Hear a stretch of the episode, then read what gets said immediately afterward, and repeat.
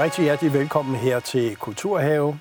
Min gæst er forfatter, debattør og en varm fortaler for kvinders rettigheder og ligestilling. Og så er hun tidligere kulturminister.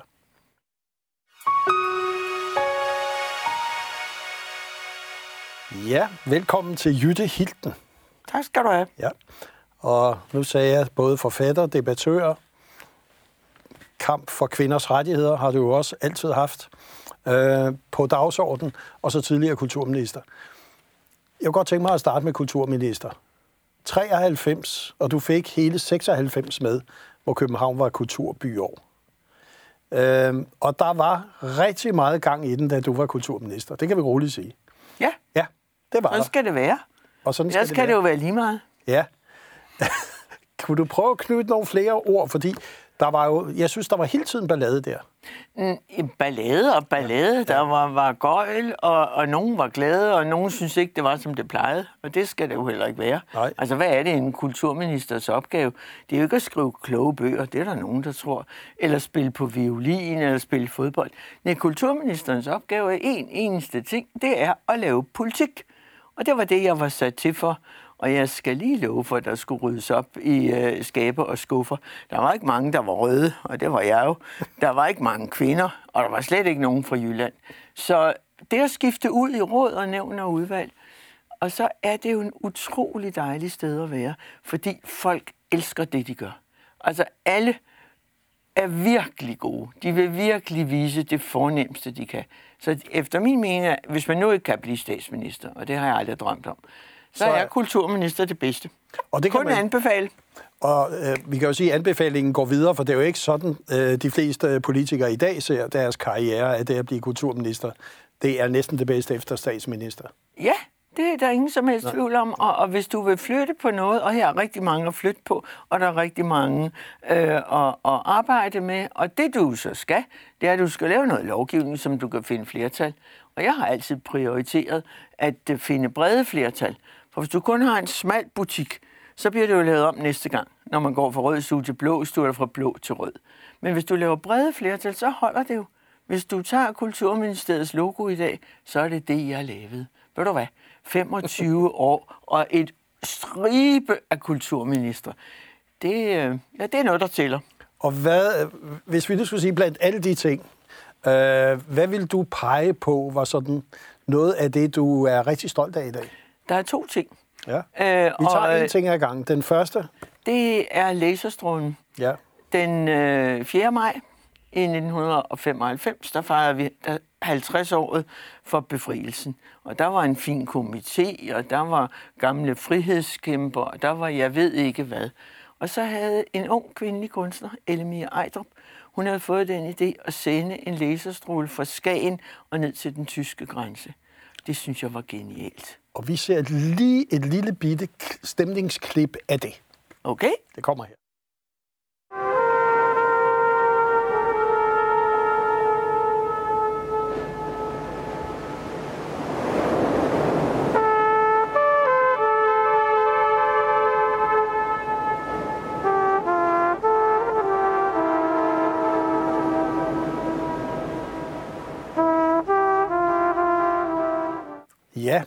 Det var Palle Mikkelborg, der spillede. jeg skulle lige til at sige, det var fantastisk. helt vidunderligt. Ja, ja. Og der var i 10.000 vis, hvis ikke 100.000 mennesker ude ved stranden og se den laserstråle.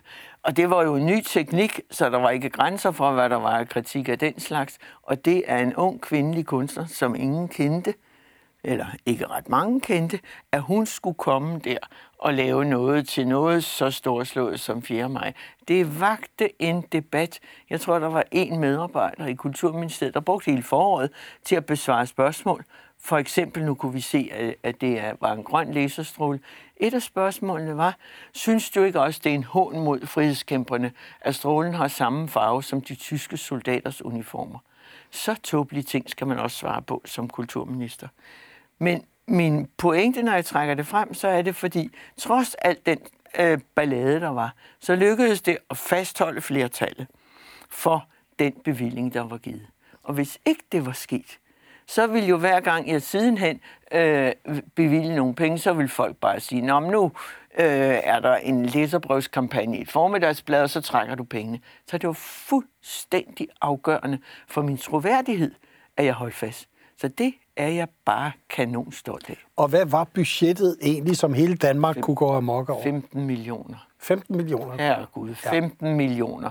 Men det var noget, man kunne gå op i. Og det handlede jo om, at de gamle runkedorer, de ville have lov til at have monopol på, hvordan man skulle fejre, fejre 4. maj. Og i dag, så er der jo rigtig mange, der synes, det er et flot projekt. Så tiden går. Og man kan sige, der har jo lige været en udstilling øh, på Viborg, øh, i Viborg øh, omkring hele projektet her. Øh, så vi har jo set, det har jo faktisk holdt i alle disse år. Det har det, ja. og øh, Elmie, som stod for, for udstillingen, jeg var op og se den sammen med hende og høre folketingsdebatten øh, gentaget, jeg sad bare og smilede. Hun har fået fra statsministeriet simpelthen bedt om agtindsigt i alle de ting, der er. Det kan man godt blive klog af. Ja. Altså, hvor tumpet øh, debatter folder sig ud. Men når man står midt i dem, så er de jo voldsomme. Vældig voldsomme, ikke? Altså, hvis man er lige ved at blive væltet om kul, ikke?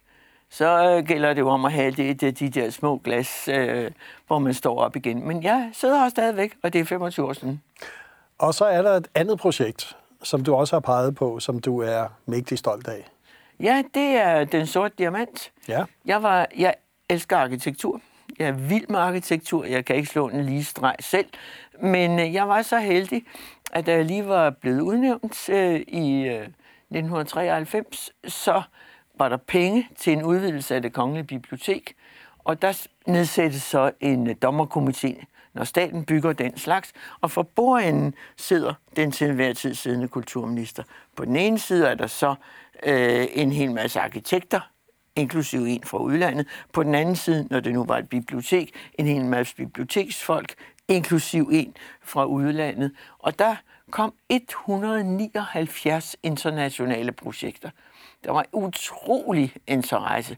Og det vi så endte med at tage, det var sådan en tegning, der nærmest så ud, som om mine børnebørn havde siddet og tegnet, og så havde taget et viskeleder. Men jeg insisterede på, at det skulle være det. Og øhm, der sker så det, da vi øh, præsenterer det ude i Bella Centeret øh, for den undrende offentlighed, så slår jeg ud med armene, der var lavet en træmodel, så siger jeg, jeg synes, det ligner en sort diamant. Og det har det heddet siden. Hvis du spørger en taxachauffør... Så det skulle ikke have heddet det? Jamen, det, det, det, det kom det bare til at hedde. Og hvis du spørger en hvilken som helst taxachauffør, kører man til den sorte diamant, så er de ikke i tvivl. Hvis man siger det kongelige bibliotek, mm, mm. så kan der være, at man skal tænke lidt mere. Så jeg har sagt til børnebørnene, at de har bare at fortælle deres børnebørn, at det var mormor, der fandt på det. Ellers er der ingen julegaver, og det har de forstået. Og så skete der jo det, at det åbnede, øh, jeg tror det var i 99, øh, ja. det åbnede, ja. og der var du så blevet kulturchef. Ja, for der var jeg røget ud af Folketinget, ja. og så er man jo på den, så skal man, jeg har det ikke godt, hvis jeg ikke laver noget. Så øh, jeg var så heldig, øh, jeg tror vi var 57, der søgte stilling, jeg fik den stilling som kulturchef på en vinderskæv bygning. Det var godt, den havde fået et godt navn. Øh, så på en eller anden måde er den sorte diamant blevet min skæbne. Og det og, har jeg da rigtig godt med. Og der til åbningen, der stod du så faktisk og var med til at tage imod øh, dronning Margrethe, prins Henrik og skulle vise rundt. Ja. Og det kan man sige, det er der ikke så mange øh, tidligere kulturministre, der lige pludselig får lov til at vise rundt, men der havde du så funktionen dengang. Ja, og ja. der er der jo det sjove ved, øh, ved kultur. Altså, øh, kongehuset øh, beskæftiger sig jo ikke med partipolitik, men kultur er ligesom uden for, det er godt nok politik, men det er uden for partipolitik. Så derfor øh, er kulturens verden faktisk sådan, at man, man møder øh, dronningen og, og hendes familie fra tid til anden. Og det er jo hyggeligt. Altså igen sådan en af pointerne ved at, at, at være kulturminister. Og så kan man sige, jeg annoncerede også, at du er forfatter. Og vi har lige taget sådan tre eksempler på det med, Øh, den første, som jeg synes, jeg vil nævne, de kommer med to års mellemrum. Denne her er fra 14, 2014, som hedder 99 lyserøde elefanter. Kan du ikke lige fortælle med et ord, hvorfor det? Jo, fordi i øh, 1915, der fik kvinder endelig stemmeret øh, i Danmark, og lov til både at blive stillet op og blive valgt, og der var folketingsvalg øh, i øh, 1918. Og det fejrede vi jo i, øh, i 2015. Og så året før, så havde jeg sammen med et par øh, journalister, gode, gode øh, venner, som jeg kendte fra gamle dage, der har lavet en lille bog om 99 kvinder i Danmark, siden vi fik den første grundlov. Grøn Danner, som jo var før, mm. hun er rent faktisk også med. Øh, og så har vi fortalt historien, små historier om 99 danske kvinder, som er værd at fejre. Øh, og så holdt vi ind i Politikens Hus, pressen, deres gamle, der hvor, hvor avisen blev trygt, der holdt vi en kanonfest, som øh, politikken sponserede. Det var jo rigtig flot. Og så skulle vi jo finde nummer 100 samme dag, nemlig den 8. marts på Kvindernes Internationale Dag. Og det blev så en ung kvinde i medierne, som øh, er på, og med øh, en anden etnisk baggrund end, øh, mm. end, end dansk. Det blev Semidjan. Ja. Og hun blev så lykkelig og holdt en vidunderlig tale om sin mor. Og moren var i salen, men hun ville ikke op på scenen. Mm. Så gik jeg hen og snakkede med hende bagefter, øh, og så siger jeg, hvorfor vil du ikke det? Nej, siger hun så, jeg skal ikke kendes, fordi Simi øh, er, er journalist. Jeg vil kendes for mig selv. Hun er den første udenlandske kvinde, der blev buschauffør. Sådan. Det er sådan en historie, jeg godt ja, kan lide. Altså, det, er er sådan noget, der kan noget. Ja. Og så i 16, så var du på sporet af årgang 46, som var en af måske den største efterkrigstids årgang. Ja. Der var noget med 96.111 danskere, blev født der. Ja, hvis du spørger Danmarks Statistik, så ja. var det i marts 1916, der er født flest danskere. Mm. Og det var jo mange dengang. Hvis det var i dag, så ville det jo være svaret til, at der blev født 150.000. Mm. Så vores forældre, de var sådan hvidskræmte. Hvad skulle vi stille op med alle de der små øh, fyre og tøser? Og de lavede ungdomskommissioner, og de foreslog, ja, men fyrene ville blive øh, ufaglærte og lede i lange perioder. Og tøserne, så nogen som mig, vi skulle bare binde forklæder og få mand og børn i rigtig rækkefølge. Det er aldrig lykkedes for mig og for mange andre. Og det gik jo slet ikke sådan. Så vil du være, hver gang nogen nedsætter en kommission og foreslår et eller andet, det er de der mænd med rynker, øh, økonomer med rynker i panden, så siger jeg, drop det.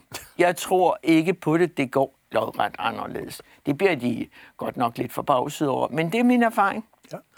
Og så kom der i 18 din tredje bog, jeg lige synes, vi skal nævne her, Takt og tone til tiden.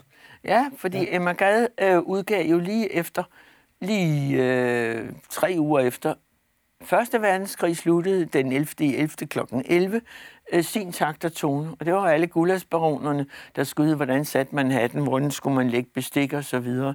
Så, øh, men det var ikke det eneste. Det er hun godt nok mest kendt for, altså hvordan man, man dækker bord og øh, hvordan man inviterer til selskaber. Men hvad handler takt og tone om? Det handler jo simpelthen om, hvordan har vi mennesker der med hinanden? Altså, hvordan får vi et godt øh, øh, øh, samfund ud af det. Og det, det så, den lavede jeg så sammen med Pia Friis Lanet, og der er det 13 danskere, der giver et godt bud på, øh, hvordan får man et godt øh, samfund ud af det. Hvad gør vi med digitalisering? Hvad gør vi med aktiv dødshjælp? Øh, hvad, hvad, hvad gør vi ja, også, når vi, når vi dækker bord? Så det er sådan en bog, som den solgte rigtig godt, for nu at sige det som det er og den kan bruges til konventionsgave, til jubilæumsgave, eller hvis man bare har lyst til sådan at, at kigge lidt. Mm. Og så skal vi ligesom over og snakke lidt af det engagement, som jeg tror rigtig mange kender der for, nemlig kvindesag, kampen for kvinders rettigheder osv. Og et af de steder, som jo også her på det sidste har været meget i vælten, det er det tidligere kvindemuseum, som nu hedder Køn, og jeg synes lige, vi skal en tur derover og se et lille klip derovre fra, inden vi snakker videre. Det kommer ja. her.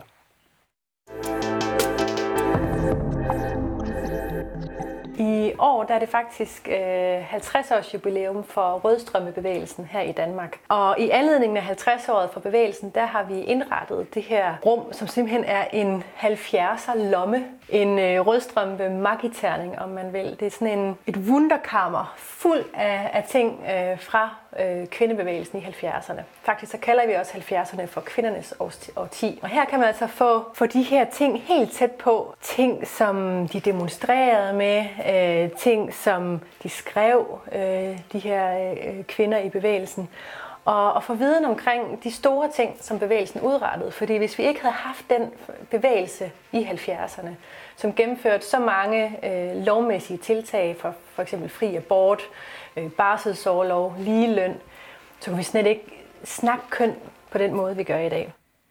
Og vi er i gang med Kulturhave. Mit navn er Christian Have, og min gæst er Jytte Hilden. Og vi er ved at tage fat på rødstrømpebevægelsen, som du også har været en del af i 70'erne, øh, hele kvindesagen osv. Øh, jeg mener, du har altid været aktiv. Du har ikke ville finde dig i at blive puttet ind med et forklæde, som du sagde før. Nej. Øh, du har jo været en af dem, der har, jeg vil ikke sige ledet slaget, men i hvert fald været op, hvor, det, hvor, hvor der skulle kæmpes. Jamen, jeg, jeg gjorde, hvad jeg kunne. Jeg er uddannet kemiingeniør, det vil sige, at jeg har været omgivet af mænd øh, alting, og jeg altid synes, det var uretfærdigt, øh, hvis, øh, hvis kvinder og mænd ikke havde samme muligheder. Så derfor mener jeg, at uddannelse, så man kan få et job og tjene sine egne penge, er den ene ting, og den anden ting, det er fri abort, som jeg har kæmpet for i Dansk Kvindesamfunds Ungdomskreds, nemlig et spørgsmål, om du selv kan bestemme, hvornår og hvor mange børn du vil have. Jeg nåede at få fire, før vi fik øh, fri abort. Altså hvis jeg havde levet i 1800-tallet, så havde jeg fået øh, 14 med landsbypræsten og organiseret sovende sønder sammen. Men det kom jeg så ikke til. Altså det der med, at vi mennesker, vi må selv bestemme, hvordan vi vil, hvad vi vil bruge vores liv til. Men det er lidt vigtigt, at der er lige muligheder for det. Så det er der, jeg er gået ind. Og man kan sige, øh, der har været rigtig meget kontrovers her om Kvindemuseet, der skulle skifte navn til køn, og den nye leder, Julia Rockær Birk, som ligesom mener, at mændene skal også med i, kan vi sige, hele debatten. Øh, hvordan ser du egentlig i den? Jamen, der kastede jeg mig ind til fordel for næste generation. Hvis det er sådan, at museets bestyrelse og ledelse med, med Julie øh, i spidsen gerne vil have, at øh, museets navn, ligesom vedtægterne, svarer til det, de rent faktisk laver, så er det det, jeg skal støtte. Jeg brugte brugt en god del af min pure ungdom og nu også alderdom til at kæmpe for, at tingene er i overensstemmelse med tiden. Altså med tiden, øh, den tid, vi lever i. Men jeg skal lige love for, at der var gang i øh, protesterne. Altså nogen vil ligesom stoppe. Øh, verden skal være, som den var engang. Og der kan jeg bare sige, det bliver den aldrig. Altså, jeg kan garantere, den bliver aldrig. Så nu her efter coronatiden, så bliver verden også anderledes. Og jeg glæder mig som gal. Altså, jeg vil rigtig gerne være rigtig gammel. Ligesom øh, Agnes Henningsen. Hun blev 94, rod i privatliv, fire børn, og altid på banen. Og så har du også sagt, at, at det med, at vi fik en coronatid, den har du faktisk brugt til ligesom at prøve at tænke naturen, kulturen, øh, de rammer, som mennesket så bliver sat i, fordi der lige pludselig sker noget, som vi ikke helt er herre over. Ja, altså det har jo været sjovt. Jeg, jeg er jo privilegeret. Jeg er gammel. Der er ingen, der forventer, at jeg på torsdag kl. 17 står til et eller andet møde og siger noget klogt. Men, øh, men og, og jeg har, har haft nogle gode jobs, så jeg, jeg får pension, når måneden er om. Og så tænker jeg, nu lader vi sådan nutiden sådan sejle lidt væk og så få noget af, hvad der er sket. Og netop fordi jeg er naturvidenskabelig uddannet, så har jeg tænkt, at naturen sætter rammer. Det er som om, vi tror bare, vi vedtager et eller andet i, i Folketinget, så bliver det til noget med et knips. Klik. Nej, det gør det ikke. Fordi vi har set med corona, en lille virus, som ingen kan se, lægger hele jorden ned. Så der er altså rammer. Naturen sætter rammer. Og jeg tror, at der er bedre mulighed for at bruge energierne inden for et lukket rum. Altså i et rum, hvor der er rammer, end der er, hvis vi lukker det hele op. Og det er noget med entropi og, øh, og, og naturvidenskab at gøre.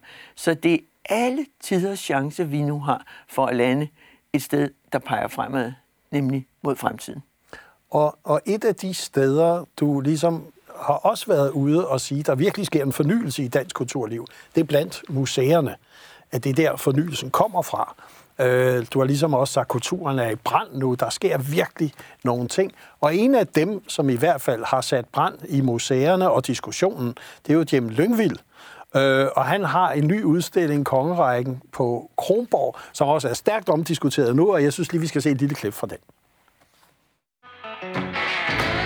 Mit navn er Jim Lyngvild, og til den her udstilling på Kronborg, der er det herinde i mit hjem, Ravnsborg, at det meste magi, det opstår.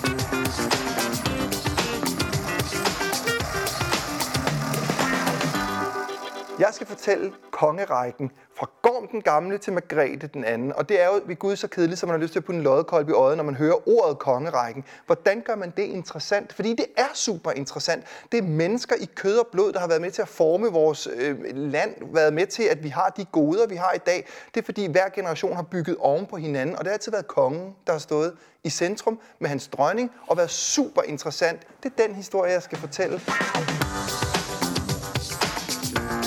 Der er udelukkende Jim Lyngvildske touched i den her, for jeg har jo lavet alt fra fotografierne til tøjet, som bliver udstillet.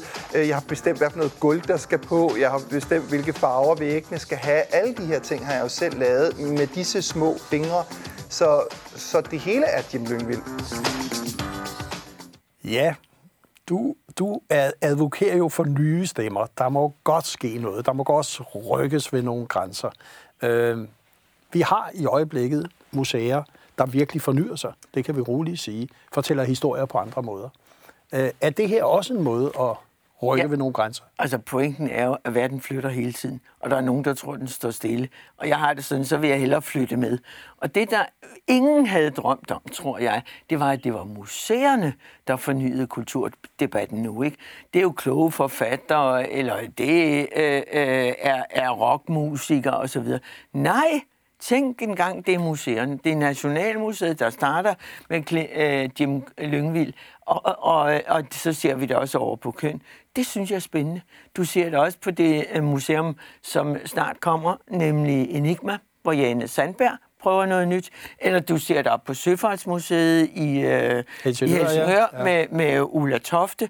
Så det er i den verden, hvor det at tolke fortiden gøres på en ny måde, så alle i en digitaliseret tid forstår det. Det er, jo, det er jo ting, du kan komme hen og røre ved. Der er nogle samlinger, og dem tolker du så på en ny måde.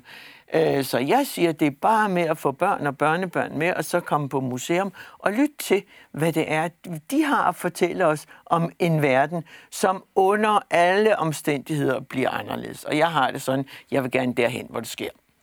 Og så kunne man sige, du har altid søgt at komme derhen, hvor det sker. Ja. Og der må også godt være, der må også være kontroverser, der må godt være store diskussioner. Synes du egentlig, at dansk kulturliv er gode nok til at tage de diskussioner og konfrontationer? Ja, det synes jeg. Øh, og, og lige præcis museumsverdenen øh, viser det jo på alle, mulige, på alle mulige måder. Så det, man skal passe på, det er, at det ikke er for, at vores nutid er ikke bare en forestillelse af fortiden, og fremtiden bliver anderledes, end, øh, end nutiden er. Så øh, hvis du har brug for debatter, det er jo derfor, jeg gerne vil være gammel. Jeg vil så gerne være med til den diskussion om MeToo, som helt unge kvinder nu fortæller. Altså, jeg har prøvet mange, mange, mange hænder på låret, og dem måtte man jo vifte af, for i min tid så galt det om at få en stemme. Og nu siger de unge piger, vi har en stemme, og vi gider ikke de der hænder på lårene. Altså, jeg siger dig, hvis ikke jeg bliver 100, så bliver det ærgerligt. jeg tænker på her, øh, du har sagt flere gange, at der er ikke noget værre end en tidligere minister, der udtaler sig klogt om den nuværende politik. Det vil sige, at du har ligesom ikke gået ind og snakket kulturpolitik, Nej. siden du holdt op. Hvorfor egentlig ikke?